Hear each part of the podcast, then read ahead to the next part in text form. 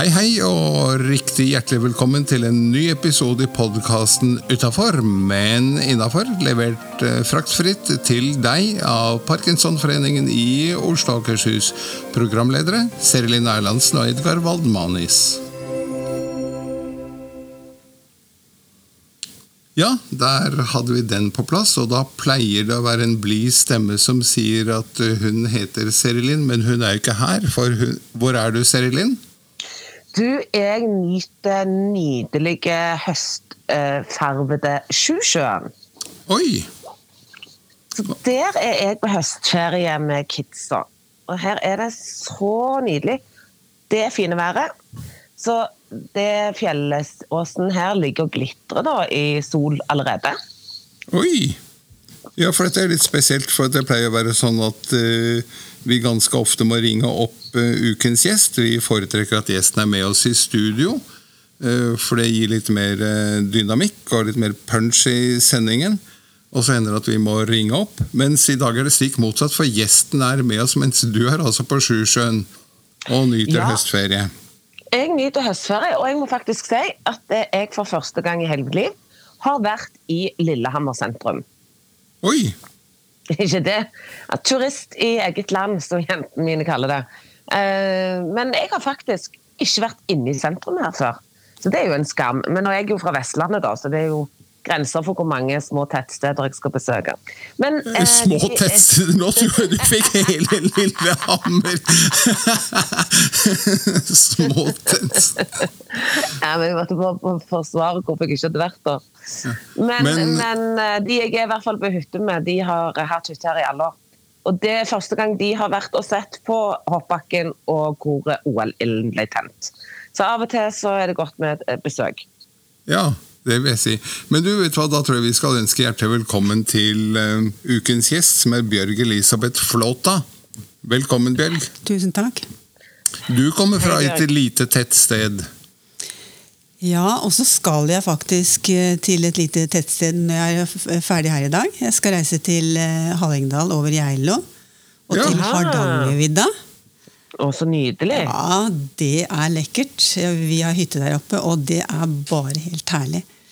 Så jeg reiser dit med mine hunder og min mann. Ser man det. Så hyggelig. Veldig. Nydelig. Du, du, er jo gjest i dag eh, fordi du har en litt spesiell diagnose. Ja, det har jeg. Jeg har fått en Parkinson pluss-variant.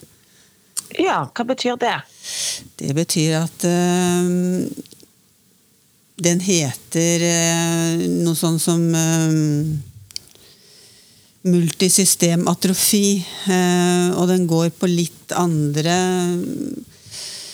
organer, gjerne større organer. Også, men man pleier å si at parkinson dør man med, parkinson pluss dør man av.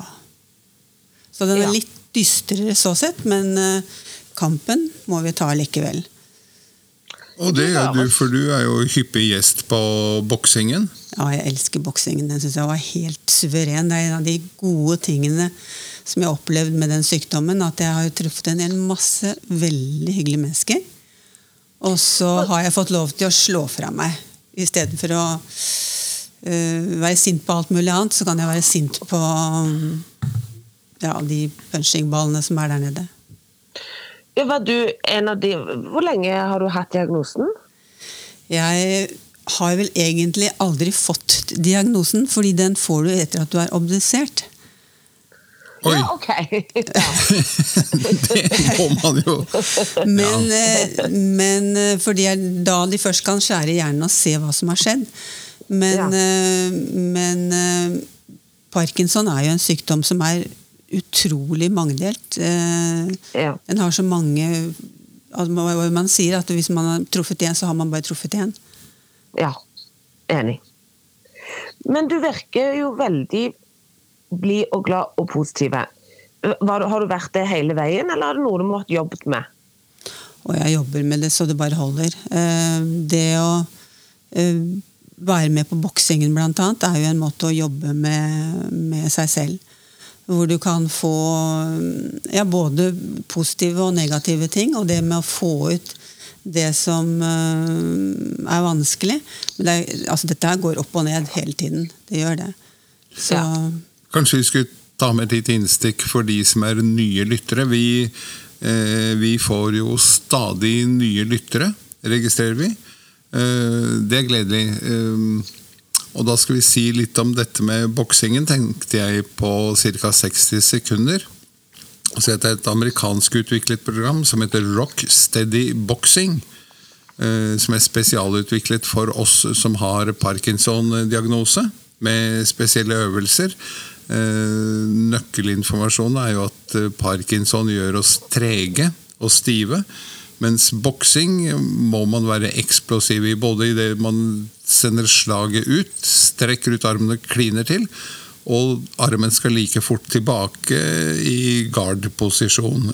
Så vi, vi, beskytter oss mot motstanderens slag. og I rocksteady boksing så slår vi på hverandres hansker. Og som Bjørg har sagt noen ganger nå, på boksesekker, som får gjennomgå noe så skikkelig. Eh, men det er altså ikke boksing helt i tradisjonell eh, forstand. Og vi går jo da heller ikke kamper som andre boksere gjør. Men vi trener, og vi tar ut så det holder. Hvor mange dager i uken er du med, Bjørg? For det er jo mulighet for tirsdag, torsdag søndag. Ja, jeg prøver, så sant jeg har mulighet, så prøver jeg å være med alle tre dagene. Oi. Eh, men det har jeg ikke mulighet til hele tiden. Jeg har hytte og jeg har hus og hunder og mann og familie, og de krever også sitt. Men uh, for første gang i livet så prioriterer jeg mer meg sjøl og treningen. For uh, jeg har en lege som sier det at uh, trening er også medisin. Det er det. Og det er en medisin jeg trenger nå. Ja. Det er jo også noen som sier at medisin er maks 50% og treningen er 50% pluss pluss. Ja, Da er vi oppe i 100% da. Godt og vel. Godt og vel. Ja. Men, men, det å gå fra å kanskje være den som stiller opp og gjør alt for familien, til å prioritere seg sjøl, eh, det er jo mange som sliter med å få til det, fordi at de får dårlig samvittighet. Hvordan har du klart det? Nei, jeg klarer nok ikke det hele tiden. Altså, jeg har aldri trodd at jeg skulle kjenne på angst eller frykt eller sånne ting. men det er mange ting som kommer opp i en sånn prosess eh, som det er å ha en kronisk sykdom. Men eh, det å trene gir veldig mange ting, og så er det, det er en trening som eh, En form for trening som er veldig spesiell. Altså Når du kommer på treningen og syns det er vanskelig å løfte beina og løpe, og så blir du kommandert av en viss Johnny eh, til å, å, stå på, og han skriker og virkelig er eh, med for at vi skal yte maksimalt. Og så yter man plutselig noe man trodde man ikke kunne klare. Det er en merkelig ting at du, altså du kan løpe fordi at du blir kommandert inn i, et, eh, inn i et mønster som passer oss Parkinson-pasienter. Så jeg kan nesten ikke få fullrost den den uh, boksingen. Nei. Ja. Det var dagens shout-out, som det heter i dag, eh, til eh, Jonny Carlsen og Oslo Bokseklubb, som er de som teknisk sett leverer dette. Litt mer om deg, Bjørg. Yrke og bakgrunn og utdannelse? Ja, da tror jeg jeg skal begynne på slutten. Ja. Jeg har endt opp i et universitetssystem. Oslo OsloMet. Jeg har en en, et um, hovedfag før, altså en master i yrkespedagogikk. Og har en del lederutdanning, så jeg har sittet som studieleder i um, det systemet. Og så begynte jeg på den andre siden som 14-åring som lærling i en uh, frisørsalong. Fordi moren min hadde veldig lyst til å bli frisør. Så da passet det godt at datteren uh, tok det, og hun ble da veldig tidlig utdannet. Så all utdanning jeg har tatt siden, har jeg tatt ved siden av full jobb. Oi, det er imponerende. Ja, og det er kanskje derfor jeg sitter her i dag Jeg har aldri vært uh, uten at jeg både har jobb og studier samtidig. Nei, det er bra. Uh, bosted, vi nevnte i en bisetning er et lite tettsted. Ja, det er Nittedal. Ja. Men naboen er Skedsmo, og rett nedenfor er Oslo. Så det betyr at jeg bor på toppen av Gjelleråsen og med nydelig utsikt over Oslofjorden. Ja. Nemlig. Som er deilig både for meg og hundene, hundene og mannen. Ja, for du driver og trener noen hunder også? Ja, vi har tre pointere, altså tre fuglehunder. Eh, og så er det en mann ah. som eh, liker å gå på jakt, og liker å gå på jaktprøver. Og er aktive på, på det òg. Blir det noe fugl? Vi har vært i Finnmark en tur. Ja. Vi har allerede vært og kjørt 500 mil eh, for å se om vi kan se noe rype. Og ja, det er, det er absolutt ryper i, eh, i, nord, men eh, da skal du ha Hundene skal fungere optimalt. I år så var de ikke så veldig optimale. Nei. Så de trenger litt mer trening. Så det blir dyr rypemiddag? Ja, det er den bestandig. Hva er kiloprisen? Jeg tør ikke prøve engang å regne på. uh, hva, hva, ville du blitt hvis du skulle valgt noe helt annet enn dette med yrkespedagogikk og Kan du kanskje utdype først litt hva er yrkespedagogikk? Altså Pedagogikk generelt sett er jo, og hvis vi deler det inn altså, og tror at det er litt annerledes når vi er i en bedrift enn når vi er på en skole, så er det ikke det. Vi lærer eh, under samme prinsippene allikevel, men eh, hvis vi legger det kanskje fram på en annen måte og er mye mer opptatt av yrkeslivet og hva som skjer der ute. Og den, eh, den eh, praksisen som de får ute i yrkene, syns vi er den burde vært mye mer prioritert. Ja. Ikke sitte på skolebenken. Fra gammelt av ja. så var de jo ute i eh, bedrifter, men så ble det dyrt å leie de opp i bedrifter, særlig, særlig de som hadde, hadde dyre maskiner osv. Og, så og så ble det skoler. Akkurat. Um, og nå tenker jeg at da skulle man kanskje kommet litt mer tilbake igjen til bedrift. Det er veldig mange som hopper av, osv. Ja. Veldig enig. Veldig enig. Ja. Men da passer det med spørsmål om hva du skulle blitt hvis du skulle valgt noe helt annet. Advokat. Fordi, ja, den kom fort. ja, den kom som Ja, jeg vokste opp på en politistasjon um, fordi min far var i politiet. Og fikk beskjed veldig tidlig at det skulle jeg ikke bli. Og det er kanskje det som har festet seg til man ikke skulle få lov til. sitter man seinere og tenker at det, det hadde jo vært spennende, og det er spennende å ha med mennesker å gjøre. Og at man kan hjelpe på mange forskjellige måter. Eh, sykehus er ikke min eh, arena, men eh, det å hjelpe mennesker på andre måter syns jeg kunne vært spennende. Og jurist eller advokat kunne jeg godt tenkt meg. Ja. ja. Og så har vi et eh, sånn artig spørsmål. Det som eh, på nynorsk kalles en fun fact. Hva er det bare et fåtall vet om deg? Ja. Det er nok mange ting.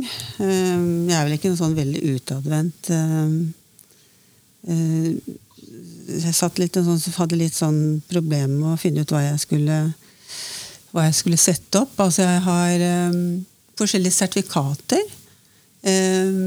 Hangglider-sertifikat. Nei! Jo! litt kult! Så kult! Vi har jo hatt en fallskjermhopper som gjest eh, tidligere. Oddmar Stenhaug, som også er eh, fast inventar på boksetreningen. Ja. Og så har vi hatt eh, en flykaptein og en purser som begge er satt på bakken.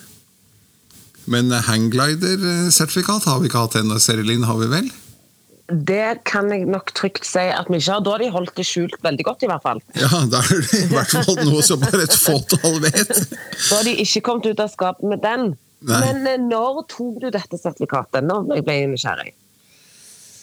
Jeg holdt vel på en periode fra jeg var 20 eh, til jeg var 30, tenker jeg. Ja. ja. Og det er noen år siden nå. Det var et par år siden. Ja, et par år siden. Jeg har faktisk vært med på sånn dobbel- eller tandem hengglidertur. Ja, ja, på Ekstremsportveka i Voss. Eh, og det var veldig, veldig gøy. Men eh, hvor drev du med det? Eh, oppi Da bodde jeg på Kongsberg. Ja, riktig. Jeg er eh, vokst opp på Kongsberg. Ja.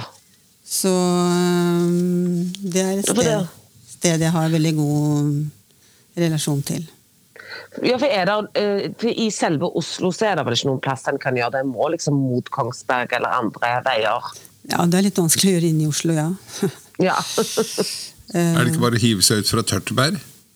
Ja, ja altså jeg har vært Eller Sankthanshaugen? Jeg har prøvd, prøvd ja, Hva heter det for noe? Plutselig så stille Vikersund. Ja. ja. Så det er jo en fin ting. Eller Hjartdal. 500 meter høydeforskjell. Ja. ja. Og det er ikke langt vekke. Om, nei da, det er jo det er ikke langt å kjøre. Men uh, det er viktig å komme på sånne plasser hvor du kan få uh, løft med en gang. Løft oppover, ikke nedover.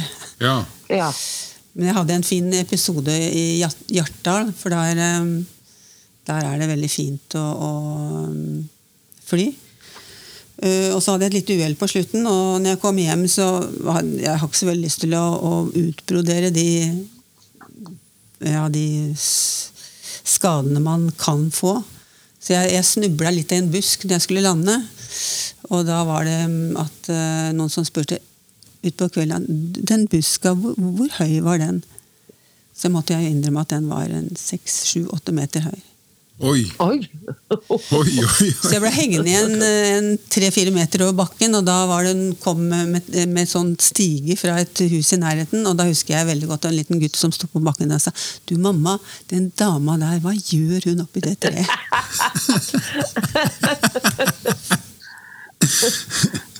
ja. Men hva er teorien da? At da skal du fort opp og fly igjen for å ikke bli redd, eller? Ja, heldigvis. Heldigvis. Ja. Da får man noen mm. ekstra turer, ikke sant. Ja. Mm. Men du, det slutta du med, eller har du fortsatt uh... Nei, jeg har slutta med det. Og det er absolutt ikke noe for en som har parkinson og stadig større problemer med å, bevege seg. Så er det Det er ikke, det er ikke mulig. Jeg, da, da, får jeg holde på med boksingen min. Det, får, ja. det greier seg, ja.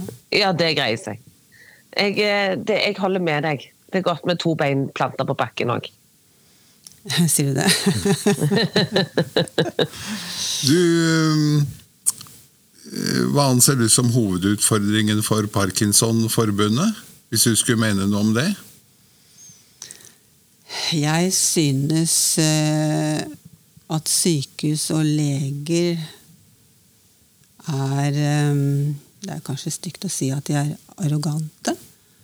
Men jeg syns mange ganger det er vanskelig å få tak på dem. Det står jo eh, i eh, en del eh, litteratur om parkinson at man trenger hjelp. Og når man har fått plussvarianten, så skal man få, egentlig få ekstra hjelp.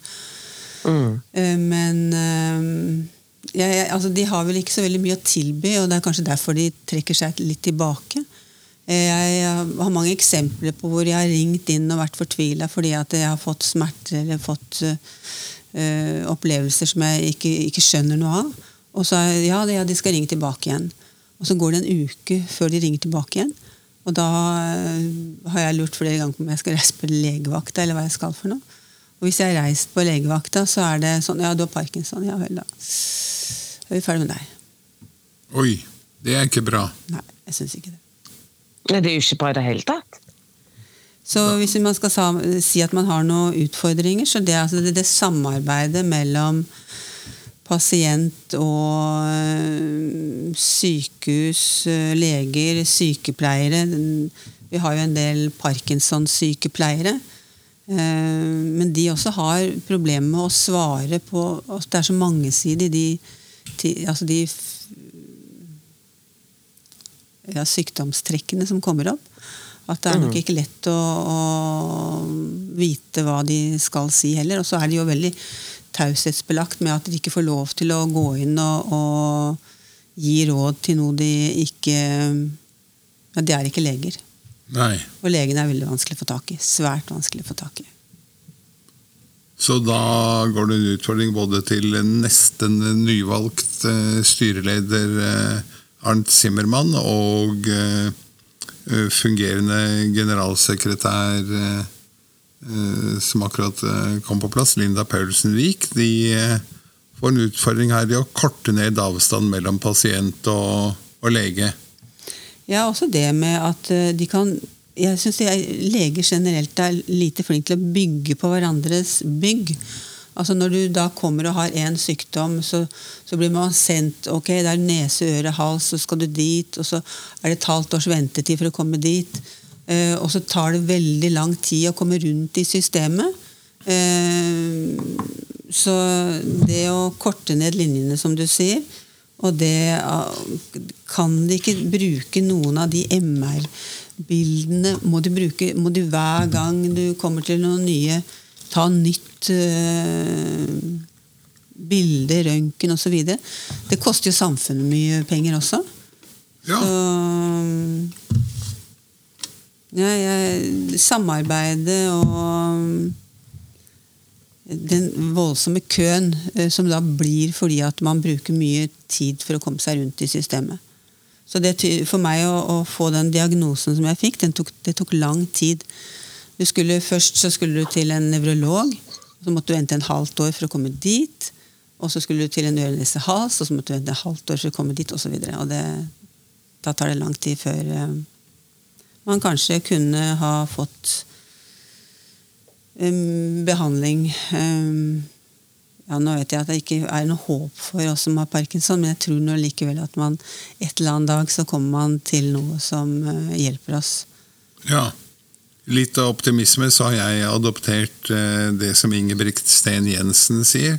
Han har jo Alzheimer, mm.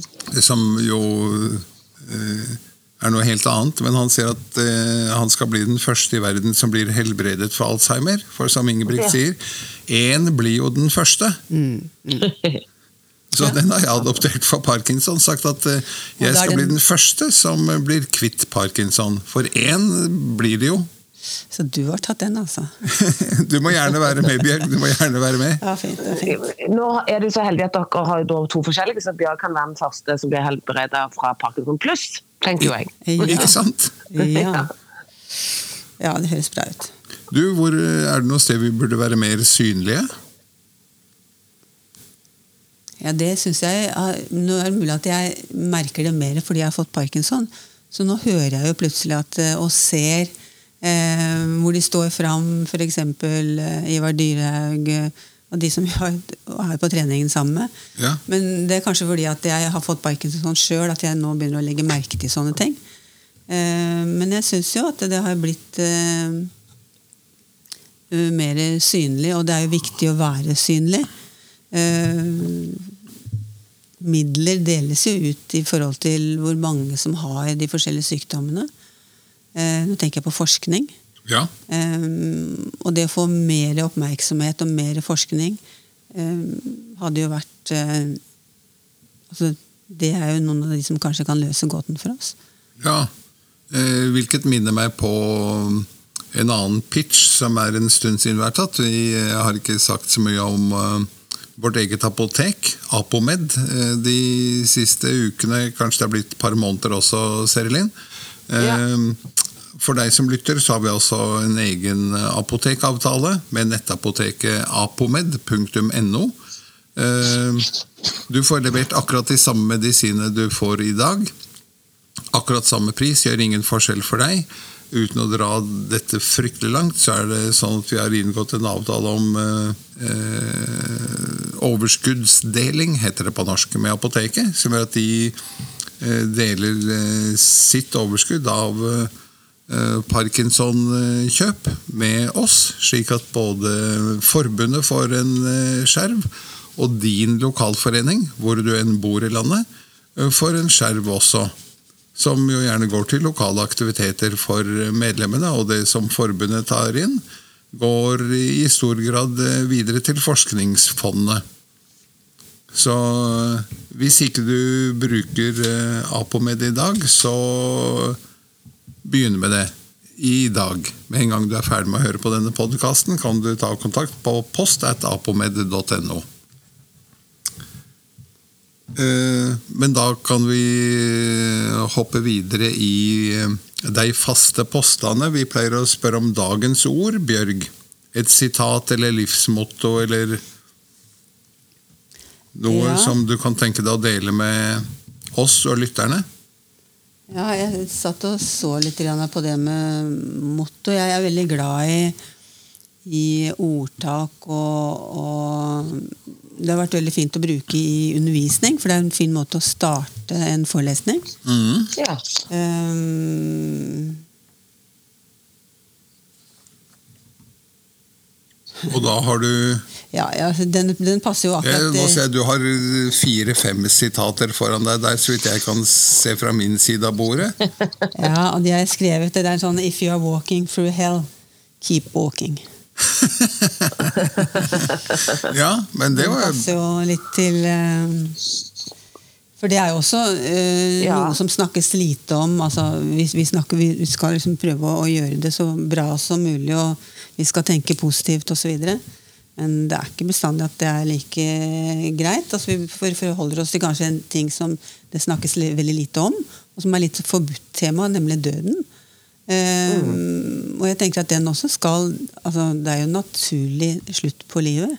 Ja. Så det er kanskje en ting som blir tatt for lite i, for det, det er den vanskeligere å ta i når vi tar i den lite. Enig. Så um, den her også er fin, da, den med en Peter Hein, danske. Den beste, hva er den beste alder? Tar du livet som det faller, går du gjennom tidens haller alltid i din beste alder. Mhm. Bra. Så selv om jeg er 70, så kan vi si at det er en bra alder. Ja, Ja, det er det. det må man absolutt. kunne si. Du har også med deg en quiz, du, til Serilina og meg. Ja, jeg lagde en masse spørs spørsmål, jeg da. Jeg var litt sånn usikker på hvor jeg skulle legge dette her henne. Så um, jeg kan jo, jeg kan kan jo, legges lavt for min del. nei, jeg kan jo gå rett fra den, eh, de ordtakene. Altså eh, På hvilken side av gjerdet er det- Vi skal spille en Ja. quiz-fanfare. Den glemmer vi stadig vekk å Ja. spille. Men vi tar den med i dag. Mhm.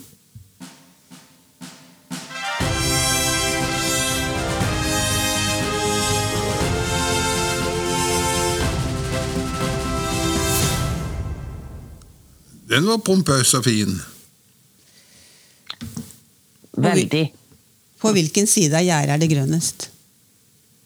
På den andre. Begge. Eller be på den andre. Hvis det er ordtaket vi er på.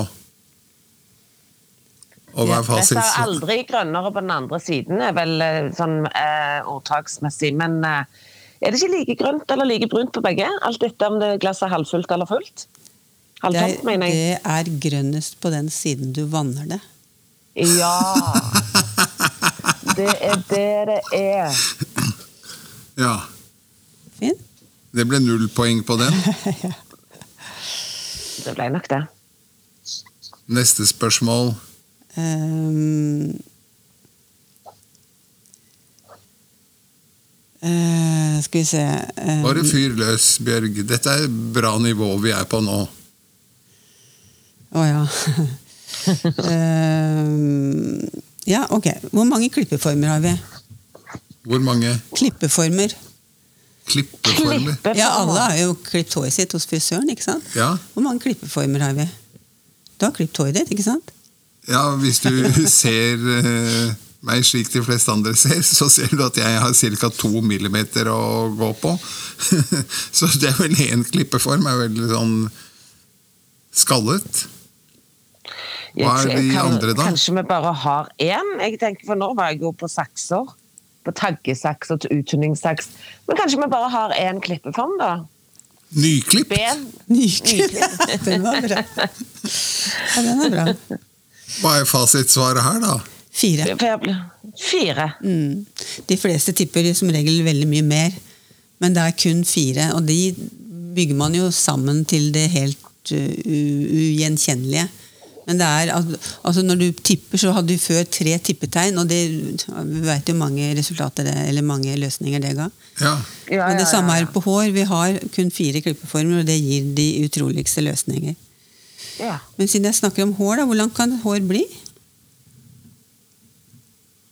Det, det fins noen sånne i fjerntliggende land en sånn Guinness rekordbok hvor det er på par meter, i hvert fall? Ja, jeg har sett noen av disse holy men, og så har jeg sett noen damer med veldig veldig, veldig langt hår. Men kanskje ikke så mye mer enn to meter? Eller er det noe som har litt sånn slep? Eh, hva tror du, Edgar? Ja, jeg tror også at vi er på vei til et slep på både fire og fem eh, meter. Du tenker såpass, ja? Eh, ja. Da får du tippe. Jeg, jeg legger meg på to, jeg, så er det sikkert ti. Alt kan være riktig. Altså, det er veksthastigheten på håret ditt som avgjør hvor langt det blir. Og så mister vi hår. Vi, hele tiden så skifter vi det håret vi har. Så hvis vi har en veksthastighet som går over f.eks. fem år, eh, så vil i løpet av fem år så vil alt håret ditt være byttet ut. Og når du vokser 1-2 cm i måneden, så kan man regne ut på hver enkelt eh, person hvor langt det kan bli. Mange tror Oi. at det kan bli uendelig langt. Nei, det kan det ikke. Det blir så Nei. langt som den tiden det tar før det skiftes eh, fra eh, at altså, hvert hårstrå har en viss levelengde. Ja. meg. Der, sånn, jeg har et hår som ikke kan bli så langt, og det har vært min store drøm. Jeg har langt, tjukt, fyldig hår. Aldri fått. det er rart. Vi ønsker oss det vi ikke har. Ja, ja, ja. Alltid. Så de med krøller, de vil ha stritt. ja. ja, ja, ja, ja, ja, ja. ja um, skal vi ta Vi har ikke fått mer enn tre spørsmål hittil. Vi pleier å ha minst fem. Ja, vi har mange her, så Ja, ja, ja. Um, og foreløpig null poeng. Denne her, denne her, denne her den kan dere. Uh, hvis du tar uh, hundeår overflytt til menneskeår hvor mange år er uh, hunden uh, når vi har gått ett menneskeår? Er ikke ett menneskeår lik ti hundeår eller noe sånt? da? Åtte til ti? Eller til seks. Nei uh... Nei, for Man snakker gjerne om at hunder da er 70 år eller noe sånt noe. Ja. Jeg tror det er uh, skal, Syv nå, skal vi lande på det? Jeg lander på åtte. Du lander på åtte. Jeg tror det er Et hundeår ja. er lik Ja. Det første er lik 14, ellers er det lik 7. Hva, ja. en, en, gang til? Det første året er lik 14. Åh. Fordi de kommer jo i puberteten og kan få valper etter et år. Det kan jo ikke mennesker. Nei. Nei. Så de første sier man ofte er 14 år, og så er det 7. Og et hundeår er 7 ja. menneskeår. Da var det et halvt poeng til Seri Lind da. Ja, hun kan ja. få litt mer enn det, syns jeg. jeg, jeg. Eh, men det var godt jeg lærte det nå, for jeg vurderer sterkt hund. Sånn ja, hva slags hund? Nei, det skal vi ikke spørre om nå. jo, jo det, det, går fint. Australsk kopperdog har jeg lyst på. Ok, ok. Ikke for mye eh, instinkt, eh, så det tror jeg er bra. Jeg Men eh, pullehund skulle jeg gjerne hatt. Jeg var med og lagde noe som heter Look-alike for en del år siden. Og da fikk jeg lov til å være med på God morgen Norge. Hvor vi ja. skulle da snakke om litt sånn Er hunden litt lik eieren? Ja. og det var, så hadde vi en sånn konkurranse oppe på hva heter det på Hellerudsletta, på den um, villmarksmessa. Ja. Og så lagde ja. vi en konkurranse ut av det som det blei ganske mye morsomt ut av. Og det er, det er, en god del ting der sånn som um, man kan uh, se at det ligner, ja. Mm. Ja, og Hvis jeg skulle hatt en som lignet meg sjøl, så hadde det blitt en svulund eller afghansk mynte. Det har jeg alltid sagt. at Når jeg kommer opp av sjøen med vått hår, så er jeg som en afghansk mynte. De er jo flotte, da. Ja. Du verden. Ja, nei, jeg, ja, jeg, er ikke så glad i den rasen, ellers jeg tror jeg ikke jeg hadde sagt det høyt. Men, men, men, de er veldig vanskelig å oppdra, da, så jeg vet ikke om det Nei, det ligner på meg. Ja, det kan vi si. Ja. Videre nå, å avbryte jeg. Ja, nei da. Um... Et siste spørsmål.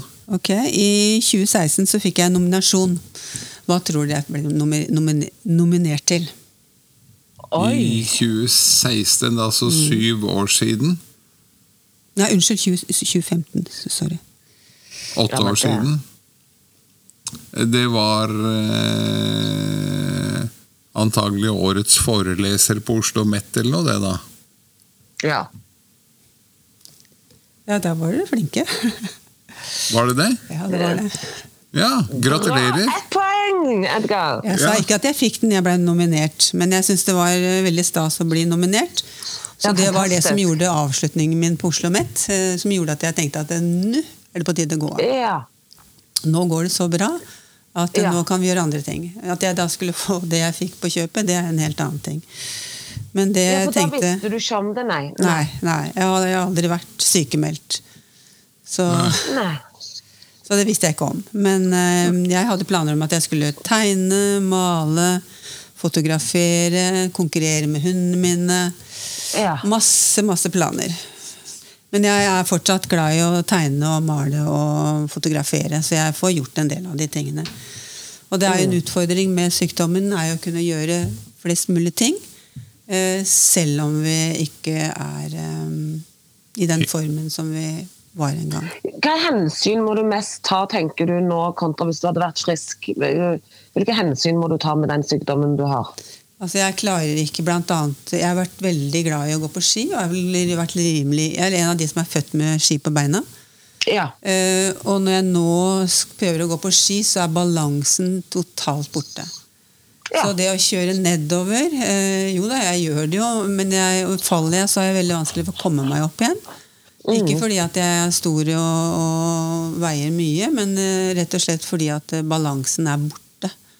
Ja. Servostyringen er borte. Eh, så det er tungt å manøvrere kroppen.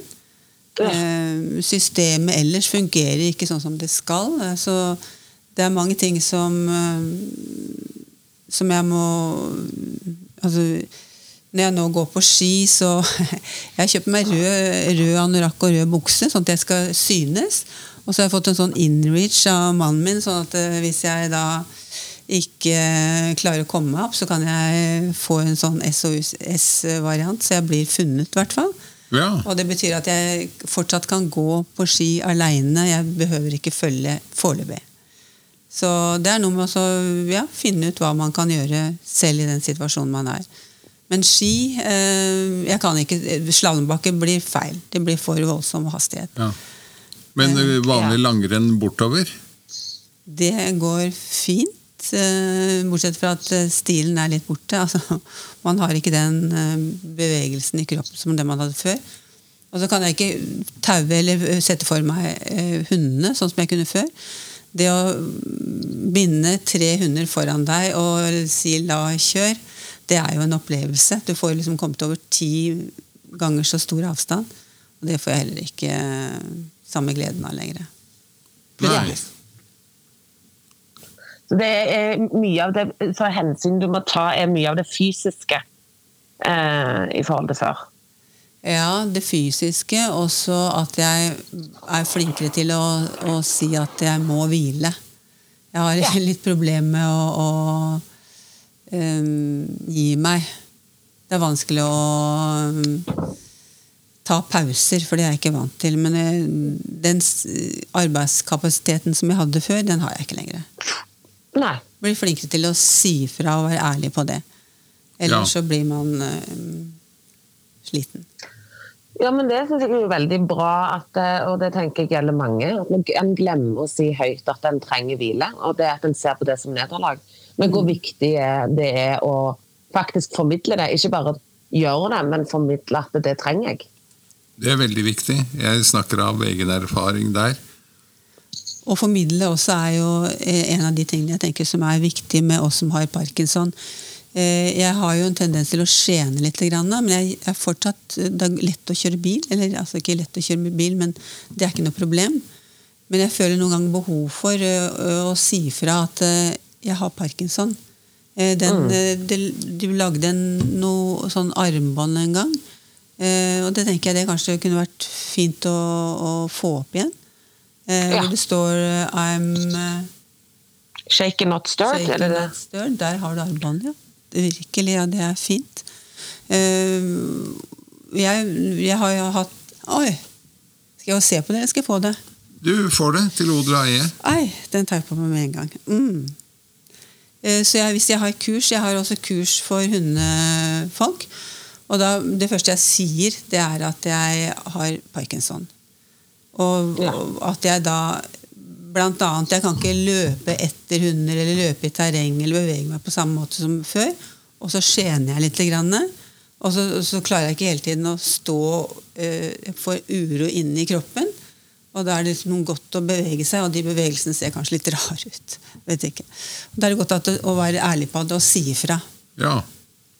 Jeg syns dette er veldig verdifulle tips, for det er også noe av det med, med folk som nekter for, eh, for sykdommen. og Selv når de har fått, vært hos nevrolog og fått diagnosen, så er det sånn Nei, jeg sleper ikke ben. Nei da, jeg subber ikke. Jeg, det er bare akkurat Nei, aldeles ikke. Mens det er, som du sier, mye bedre å Opplever jeg, da. Å stå frem og si at det er sånn det er. Men når du Bjørg, er åpen om det, hvilke reaksjoner får du da? Eh, Får du reaksjoner som gjør at du tenker at du ikke ville si det, eller er det, er det, er det, opplever du mer at det blir såpass OK mottatt at du blir eh, motivert til å si det oftere? Jeg er absolutt motivert til å si det. Jeg var på en, eh, et, eh, en jaktprøve i går. eh, Og det å skulle gå sammen med andre mennesker altså Jeg kan ikke hoppe over en dike, f.eks. Da må jeg ha hjelp. Eh, Ja. Men det å få hjelp, eh, det vil jeg gjerne ha på mine vilkår. Så jeg er også veldig flink til å si fra at jeg, eh, jeg sier fra ikke fordi at dere skal ta hensyn til meg, men fordi at det kan tenkes at jeg spør om hjelp. Så dere trenger ikke være redd for at jeg, at jeg ikke får til ting. Men altså det å, å det å spørre sjøl og få lov å si fra sjøl, ikke at noen skal da hele tiden løpe etter deg og spørre deg skal jeg hjelpe deg nå, skal jeg hjelpe deg nå, det er ikke noe behagelig. Så det pleier jeg også å være ganske tydelig på. At jeg, jeg sier ikke for at jeg skal ha hjelp. Eh, Jeg sier fra sjøl når jeg trenger hjelp. Ja. Kjempebra. Da begynner vi å nærme oss eh, slutten her, sånn, men vi rekker å klemme inn ukens fremsnakk. Det er en post vi litt for ofte glemmer. Har du en du vil fremsnakke, Bjørg? Veldig gjerne. Eh, Jeg syns jeg har fått eh, hjelp eh, på sykehus osv., men det er ingenting mot hva jeg har fått når jeg har vært hos min akupunktør, som heter Katarina. Det er vel sammen med boksing de to tingene som eh, har gitt meg mest eh, i den perioden her sånn hvor ting stort sett går av. Så eh, det å finne en eh, treningsform og finne en alternativ terapeut Det er synd at det er eh, alternativt, fordi eh, det med akupunktur er vitenskap i seg sjøl. Så hvis jeg kan få lov å si tusen takk til Katarina, så gjør jeg gjerne det. Det er Katarina Nes eh, vi snakker om, som eh, eh, Hva er det instituttet hennes heter igjen? Akupunktørhuset, er det det? Det tror jeg det er. Akupunktørhuset, det ligger i Øvre Nedre Slottsgate. Nedre Slottsgate i Oslo. Ja. Mm. Så den som eh, føler at det kunne være artig å prøve, må ta kontakt med Akupunkturhuset. Katarina Nes. Det var eh, rett og slett ukens fremsnakk. Veldig bra. Du, vi begynner å nærme oss eh, slutten på denne ukens eh, episode. Fast utgangsspørsmål er jo hvem ville du invitert til middag, og hvor? Ja, jeg, var, jeg sto litt grann mellom eh, Bruce Springsteen og mannen min. Eh, og fant ut at jeg tror faktisk, hvis jeg kunne bestemme tidspunkt osv. sjøl, så tror jeg jeg ville valgt mannen min i 1973. Og da ville jeg hatt med meg inn i ei steinbu på Hardangervidda. Eh, og grunnen til at jeg ville valgt mannen min, det er at jeg har eh, Jeg møtte mannen min da seint i livet. Faren min syns jeg møtte den Eller jeg syns jeg, var- jeg, synes jeg var litt sein til å velge en som passa godt. Eh, det betyr at man har litt eh, mer erfaring, men eh, ja. Så eh, istedenfor å møte han i ja, Når jeg møtte i 1994, så hadde det vært fint istedenfor i 1973. Så Bruce Springsteen måtte se seg slått på mållinjen der? Ja, akkurat der måtte han det. Å, det syns jeg hørtes fantastisk ut. Ja da, vi har det bra. Da er vi kommet til veis ende. Tusen takk til deg, eh, Bjørg Elisabeth Flåta, for at du var med og delte eh, om eh, skal, skal du ikke ha kransekakevits fra meg? Kransekakevitsen holdt vi på å glemme. Hvordan lyder den denne uken? Du, har du hørt om han skulle opptre, men sto opp halv fire? Oi, oi, oi, oi, oi, oi, oi.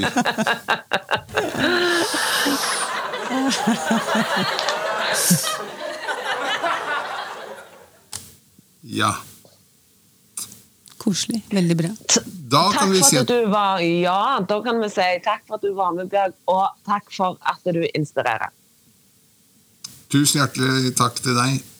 Veldig hyggelig. Det var alt vi hadde i denne ukens episode av podkasten Utafor, men innafor, levert av Parkinsonforeningen i Oslo og Akershus med programledere Serilin Erlandsen og Edgar Waldmanis. Den rakk jeg akkurat innafor der eh, igjen, den. Det er Den ikke er helt, helt perfekt.